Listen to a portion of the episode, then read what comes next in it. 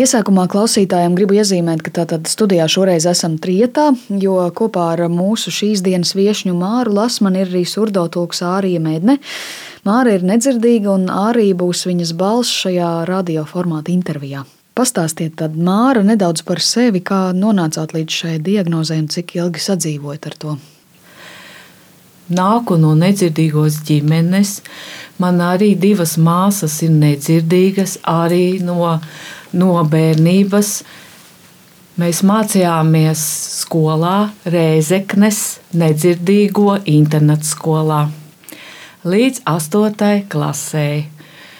Un tad mēs pārcēlāmies uz Rīgas nedzirdīgo skolu. Mācījos arī vakarskolā, Pabeidzot vakarskolu, turpināju mācības Daugopils logopētiskajā, pedagoģiskajā universitātē. Strādāju Rīgas pirmskolas izglītības iestādē Zinteriņš. Bērniem ar dzirdes traucējumiem jau 25 gadus. Protams, padomu laikā televīzijā nebija subtitri, skolā ne, neizmantoja zīmju valodu, un es jau no bērnības mācījos lasīt no lūpām un kā līdz šim brīdim jā, lasu no lūpām. Man ir ļoti svarīgi. Jā, no lūpām, un arī zīmbalot, un arī, protams, no mīmikas. Protams, man vecāki ir nedzirdīgi, mēs komunicējam zīmju valodā.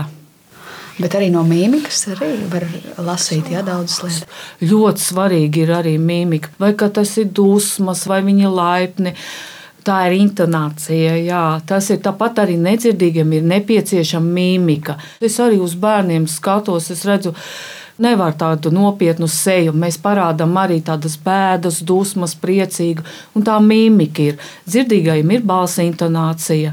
Es šobrīd strādāju ar maziem bērniem ar dzirdes traucējumiem. Jā viņiem vēl nav attīstīta un arī nav vārdu krājums. Tāpēc bērniem ir nepieciešama zīmju valoda un mīmika, lai viņi varētu uztvert to zīmju valodu. Tas viņiem ļoti svarīgi ir.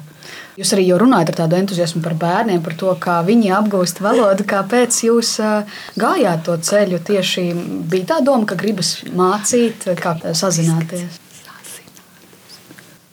Protams, mēs trīs māsas dzīvojām, augām laukos. Mēs bērnībā bija svarīgas spēles. Mēs spēlējām, kā skolotāja lomas pildījām.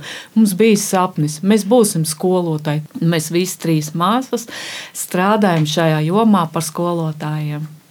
Pats svarīgākais ir piemēram, kad māju uzbūvē ir jābūt labam pamatam. Un tad arī var uzcelt labu māju. Ja ir slikts pamats, māja nobruks. Tāpat arī ģimenē. Es arī ievēroju, tas ir ļoti svarīgi, ka nedzirdīgam bērnam pamatā ir zīmju valoda, lai vecāki ar bērniem varētu komunicēt, un tad arī valoda attīstās labi. Kā jūs novērtējat no malas, cik pieejama ir teiksim, izglītība nedzirdīgiem cilvēkiem, vai nedzirdīgs cilvēks var būt jebkurā profesijā, darīt jebkuru darbu? Protams, jebkurā profesijā varētu. Galvenais, tas ir svarīgs arī kā skola, kā skolotāji to ir iemācījuši. Arī, protams, zīmvaloda pati svarīgākā. Vai bērni izprot to mācību vielu, to mācību priekšmetu. Jā, jebkuru var izvēlēties profesiju. Var arī strādāt nedzirdīgi par zobārstu, par lidotāju. Tagad ir dažādas iespējas. Droši vien daudz kas ir atkarīgs no tā paša cilvēka. Tad es saprotu, ka nu, izglītība ir pieejama un apgūt profesiju var. Bet kā ir savukārt ar sabiedrību un tālāk ar darba iespējām, vai ir kaut kādi joprojām aizspriedumi? Diemžēl Latvijā ir ļoti maz informācijas par nedzirdīgo cilvēku dzīvi. Par viņu profesiju, par viņu iespējām ļoti maz. Varētu pamēģināt pieņemt cilvēku uz to laiku, pārbaudas laiku. Un tad varbūt viņam pāries tās bailes. Nevajadzētu baidīties. Vismaz tajā pārbaudas laikā iepazīt to cilvēku. Dot iespēju, jā, jā dot iespēju. Tieši tā vajadzētu plaši izglītot arī darba devējiem, bet arī citiem pārdevējiem vai sanitāru slimnīcā, kaut kādos vienkāršos profesijas. Vajadzētu zināt eh, tieši arī, ko nozīmē nedzirdīgs cilvēks, kā ar viņu attiekties. Piemēram, pārdevējs, taču nezina, kā komunicēt ar nedzirdīgu cilvēku. Kaut kādas elementārās zīmju valodas vajadzētu iemācīties. Ja vairāk sniegt informāciju, saprotiet, kā ārzemēs viņi soli uz priekšu, viņi visi zina, ko nozīmē nedzirdīgs cilvēks. Vienkārša komunikācija. Ko nozīmē nedzirdīgs cilvēks? Kā jūs nozīmē nedzirdīgs cilvēks? Tāds pats cilvēks kā vispār. Nu, protams, mēs arī mākam skaisti ģērbties, mākam pavārus būt, kā mēs mākam vadīt mašīnu. Nu, nekāda atšķirība. Mēs tādi paši, tikai mēs nedzirdam. Audzinam arī bērnus, citi no malas skatās. Ak, Dievs, abi vecāki nedzirdīgi. Kā viņi to bērniņu var audzināt? Viss ir skolā, iet, tas viss tā mācāmies, audzinām, un tas viss ir Tas ir atkarībā no viņa intelekta arī līmeņa. Arī ir, ka dzirdīgi ir, kuriem augsts, kuriem zems, tāpat kā arī nedzirdīgajiem ir. Tas ir tas pats. Nekāda atšķirība nav. Ja runājam tieši par šo pandēmijas laiku, kāds tas ir bijis jums, kā nedzirdīgam cilvēkam, proti, vai saziņa kādos veikalos vai citās pakalpojumu vietās ir ierobežota kaut kā, vai masku dēļ, piemēram, nav iespējams lasīt no lūpām cilvēku teikto, vai tas ir sarežģījis kādos brīžos šo komunikāciju? Piemēram, runājot par tām maskām, kas šobrīd ir pandēmijas laikā, ieejot veikalā, protams, arī noskanē pārbaudo certifikātu un pieprasa ID karti, bet es teicu, lūdzu, es gribu redzēt, es nedzirdu jūs. Iespītējās tas cilvēks rinda. Es zinu, aiz manis stāv, es stāvu, lūdzu, novelkat masku. Viņš bija spiests beigās novilkt un sāka bļaut, pilnīgi pārspīlēti. Es no lūpām sapratu, un es teicu, paldies, un es uzrādīju savu apliecinošu dokumentu. Nu, piemēram, Pāvils Stradiņas slimnīcā ieiet iekšā reģistratūrā. Protams, ir tagad pandēmijas laikā, ir tagad uzlikti tie stikli, kā uzlikti. Un tur ir rakstīts, lūdzu nospiežat pogu un runājiet. Nu, bet es taču nospiedīšu, bet es taču nedzirdu. Kā es varu runāt? Es stāvu, stāvu, cilvēki arī gaida, reģistrators skatās uz maniem, vēl priekšā viņai tas stikls, viņa bļauj. Bet es saku, atvainojiet, bet es nedzirdu, es rādu zīmju valodā. Citi reģistratori uzreiz saprata zolīdi. Jā ļoti atvainojamies. Mēs neiedomājamies, ka arī nedzirdīgie cilvēki var atnākt.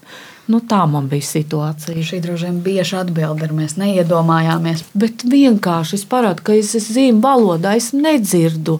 Nu, arī pārdevējiem citās iestādēs vienkārši iemāciet ka viņš parāda, ka viņš ir nedzirdīgs zīmju valodā. Un to vajadzētu saprast sabiedrībai. Tehniski nianse. Vai mēs varam izskaidrot, Kas ir tā pati elementārākā zīme, ar kuru jūs uzreiz apliecināt, ka jūs esat nedzirdīgs? Ko cilvēks dara? Viņš parāda uz ausi, nu tiešām tādam nezinātājam, klausītājam. Jā. Parasti mēs roku pieliekam jā, pie ausīm un sakam, mēs nedzirdam. Jā. Vai arī rakstam nedzirdīgi, lūdzu, rakstiski sazināties. Tajās situācijās būtu vēlams noņemt masku. Tas ir ļoti svarīga mīmika, tā ir kopā, kā saka, mums tas pats galvenais. Piemēram, svētdien Es atbraucu no laukiem, kafejnīca. Jā, braucot no laukiem, iebraucu Liepkalnos kafejnīcā. Jā. Es gribēju izvēlēties kūciņu. Pārdevēja bija maska. Es viņai saku, es esmu nedzirdīga. Viņa uzreiz tik automātiski novilka masku. Viņa tiešām, viņa uzreiz saprata, tas ir pilnīgi ir atšķirība. Jā, kas eh, varbūt ir iestādes vai kafejnīca, vienalga, kurā vietā, kur ir jau zina tāda, ka nedzirdīgi cilvēki iegriežas, bet ir citi, kur kaut kā nevar to uztvērt. Jā. Vai maskas ir tas būtiskākais jā, izaicinājums? Vai tikai veikali, vai arī kaut kādi pakalpojumi, vēl medicīna, jūs teicāt, kur jā, jā. kā tas ir? Varbūt? Piemēram, Es strādāju bērniem ar dzirdes traucējumiem. Protams, visur ir teikts, ka skolotājiem, pedagogiem jābūt maskās, bet es godīgi pasaku, es ignorēju šo prasību. Kā es varu komunicēt, kā viņi var attīstīt savu valodu. Un arī poliklinikā iet. Protams, mēs ņemot man tulku līdzi, mēs esam visi trīs maskās. Un ir reizēm, kad ārsts nepiekrīt noņemt masku. Es saku, ja jūs nepiekritīsiet, es atstāšu kabinetu. Es ļoti mierīgi pateicu, es nevaru. Man vajag, eh, ka tulks var noņemt masku. Jā, viņš piekrita. Un kā var komunicēt? Medicīniskie termiņi, viss ir valoda. Tas ir ļoti svarīgi. Slimība, kāda diagnoze. Es negribu, lai kļūdītos, un tāpēc es lūdzu to masku noņemt. Vienkārši nu, man ir jānolasa no lūpām. Bet es, viņi nepadomā par nedzirdīgiem cilvēkiem piemēram, eh, par to vizieri, jā, kaut ko, lai cauri varētu redzēt. Beļģijā vai Vācijā, jā, viņiem maska, jā, bet viņiem ir caurspīdīgi izveidotās lūpas, tā vieta, jā, un lai redzētu, ka nolasīt no lūpām.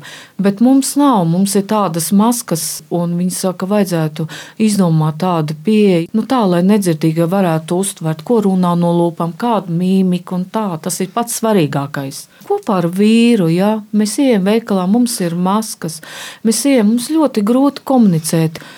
Un es ar vīru nevaru runāt, jā, ka mums vajadzētu kaut ko izvēlēties. Mēs tā kā ātri novelkam, parunājam, uzvelkam. Nu, ļoti sarežģīta un tāda jocīga situācija. Jūs dzirdīgie varat jā, runāt brīvi, bet nevaram. Jā. Par laimi kafejnīcā tur droši var novilkt jā, masku un var droši, kā saka, ieturēt maltīti. Nu, arī piemēram, jā, tas bija agrāk, arī, kad bija tās pirmā pandēmijas laikā, ka kafejnīca bija cieta. Man ļoti patīk arī kafejnīcā saulīte, jā, mm -hmm. molā. Iegriezos, un tad ir rakstīts, bija, ka var pasūtīt ēdienu līdzņemšanai uz mājām. Okay. Bet, diemžēl, tur ir rakstīts tikai jāzvana. Bet kā? Tur nav rakstīts, ka tā īsiņas veidā varētu to pasūtīt. A kā nedzirdīga dzirdes invalīdi varētu pasūtīt to ēdienu, lai piegādātu mājās? Kā? Jā. Citur, ja kaut kur aiziet, jā, ir arī telefons norādīts, īziņu, ko var rakstīt. Jā. Bet tas ir no uzņēmuma arī atkarīgs, cik viņi eh, parūpējas un padomā par pieejamību arī nedzirdīgam cilvēkam. Un tas nebūtu nav ideāli šobrīd, vēl saprotu šobrīd. Protams, nav. Vēl es gribēju jautāt, kā ir ar informācijas pieejamību. Jo skaidrs, ka pandēmijas laikā diezgan strauji arī mainījās epidemioloģiskā situācija, mainījās sekojoši arī visādi ierobežojumi. Vai pietiekami viegli bija izsekot? Skaidrs, ka ir televīzijā tātad pieejama informācija un tulkojums arī. Bet jā, vai raiti varēja izsekot, ja neredzēja televīzijā pēkšņi kaut ko? Es pati sekoju ļoti līdzi jaunumiem, internetu portālos, skatīt, sekot, kas notiek Latvijā. Es jau no bērnības man interesē politika, un mans tēvs ļoti interesējās par politiku. Un man ir tieši tāpat. Es arī sekoju, kas notiek Latvijā, pasaulē, un tikai caur internetu es iegūstu to informāciju. Jā. Diemžēl televīzijā ļoti pietrūkst tās informācijas. Nu, piemēram, man cits jautā, kur jūs vēlētos redzēt televīzijā, subtitrus, kurā programmā jūs vēlētos. Es pateicu, es gribētu visās programmās, lai būtu subtitri. Man gribās jautājums, vai dzirdīgiem cilvēkiem, kurā programmā viņi gribētu skaņu noslēgt. A, kāpēc mums, nedzirdīgiem, kaut kas ir jāatšķir? Mums ir jāmeklē programma, kur ir pieeja tie titri. Bet katram cilvēkam ir savas intereses. Jā. Katram cilvēkam, visiem jau nav vienādas. Bet es saprotu, piemēram, ja runā par to pandēmijas informāciju, tad uh, tomēr sanāk, ka tad, ja cilvēks pats ir proaktīvs un interesējās par informāciju, tad viņš uzzina visu. Bet, ja tikai televīzija, tad tomēr tad tas ir ierobežoti mazliet. Jā, es pilnīgi piekrītu, tas ir grūti. Uh, Katru trešdienu rīta ausmā mums bija informatīvās dienas.